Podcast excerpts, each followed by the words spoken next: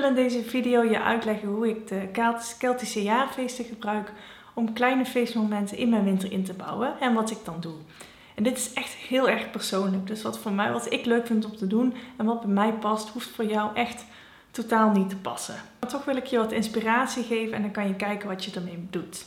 Als je niet weet wat ik hiermee bedoel, zou ik even video 5 van module 1 kijken, omdat ik daarbij uitleg geef over het Keltisch jaarwiel en waarom ik dat gebruik.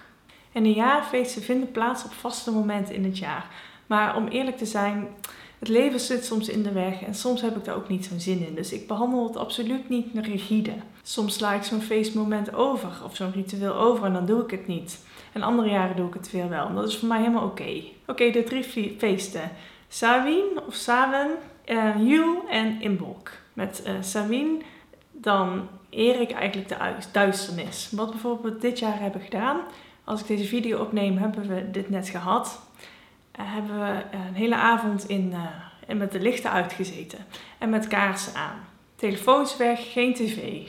En ben jij misschien iemand die dat vaker doet, maar ik doe dat echt veel te weinig. En als ik in die duisternis kom, dan merk ik ook pas hoe fijn ik dat eigenlijk vind. En hoe goed stilte me eigenlijk doet. Ik neem dan ook even een moment om de doden te herdenken. In mijn geval mijn moeder, die is overleden toen ik 23 was.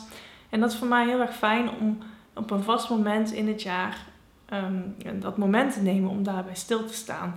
Omdat ik merk dat, omdat het al zo lang geleden is, neem ik niet meer echt die tijd daarvoor. Ik vind het heel erg fijn, het voelt heel erg respectvol om op zo'n vast moment in het jaar daar aandacht te gaan te geven. Dus wat je zou bijvoorbeeld kunnen doen is om bijvoorbeeld naar foto's te kijken van de mensen die zijn overleden, die je graag wil herdenken, of om er überhaupt even bij stil te staan. En dan Joel, mid, uh, midwinter. Ik vind dat echt een hele fijne tijd om naar buiten te gaan. En wat ik de uh, laatste tijd ook doe, is dat ik dan uh, dennetopjes ga oogsten voor een thee. Nou, ik, ik hou heel erg van thee, dus dat vind ik heel erg mooi. Dat je in de natuur ook zelfs midden in de winter eigenlijk nog iets kan vinden wat zoveel smaak geeft. Ik vier ook nog steeds kerstmis met mijn familie. Dat is ook een traditie die ik eigenlijk niet wil laten gaan. Maar het uh, lampjes ophangen bijvoorbeeld in mijn huis of een kerstboom in huis halen, dan wel een alternatieve vorm of een duurzame vorm daarvan. Ja, dat geeft dan wel weer een extra dimensie, want dat hoort ook bij Jol. En dat is voor mij ook wel het moment om een vuurtje te maken als ik kan. En om daar uh, lekker in te kijken. En bijvoorbeeld te schrijven wat er in me opkomt. En uh, vooruit te kijken naar het komende jaar. Een inbolk op 1 februari heb ik tot nu toe weinig mee gedaan. Het is meer dat ik in de periode eromheen me wel bewust van ben dat het licht aan het terugkeren is. En dat ik dus ook heel bewust zie welke planten er al binnen beginnen te groeien. En welke uh, bomen al knoppen beginnen te maken. Ik vind het dan ook heel erg leuk om symbolisch een zaadje te planten, bijvoorbeeld van paprika's, omdat je die sowieso in januari, februari moet zaaien. Je hebt ook paprika's die je op in je vensterbank kan houden of op je, op je balkon. Ik vind het heel erg leuk om dat symbolisch al te doen, bij wijze van spreken als eerste begin van ja, het groeiseizoen. Soms is het een tijd waarop ik wat creativiteit wat ruimte geef. Al moet ik zeggen, mijn creativiteit is niet zo vast te pinnen. Op die dag dan komt het of zo.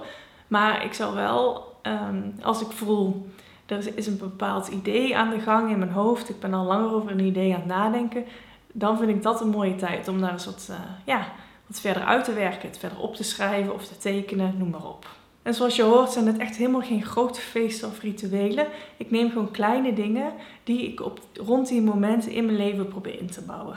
En soms sla ik iets over omdat ik het gewoon niet zo voel, omdat ik geen tijd heb of geen zin heb. En dat voor mij, maakt voor mij echt niet uit, want het is een, een middel en niet een doel op zich. Dat is wat ik doe. Naast natuurlijk dat ik ook gewoon kerstmis vier en oud en nieuw. Het zijn ook gewoon feesten die in mijn leven zijn. Het kan prima ook naast elkaar bestaan.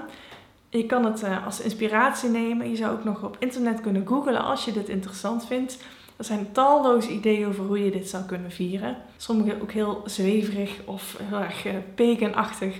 Maar kijk vooral wat bij jou past. Het leuke is juist dat je het heel erg persoonlijk kan maken. En in de volgende video gaan we dat precies doen. Een feestdag of een ritueel uh, ja, vormgeven. En ik laat je zien hoe ik dat doe.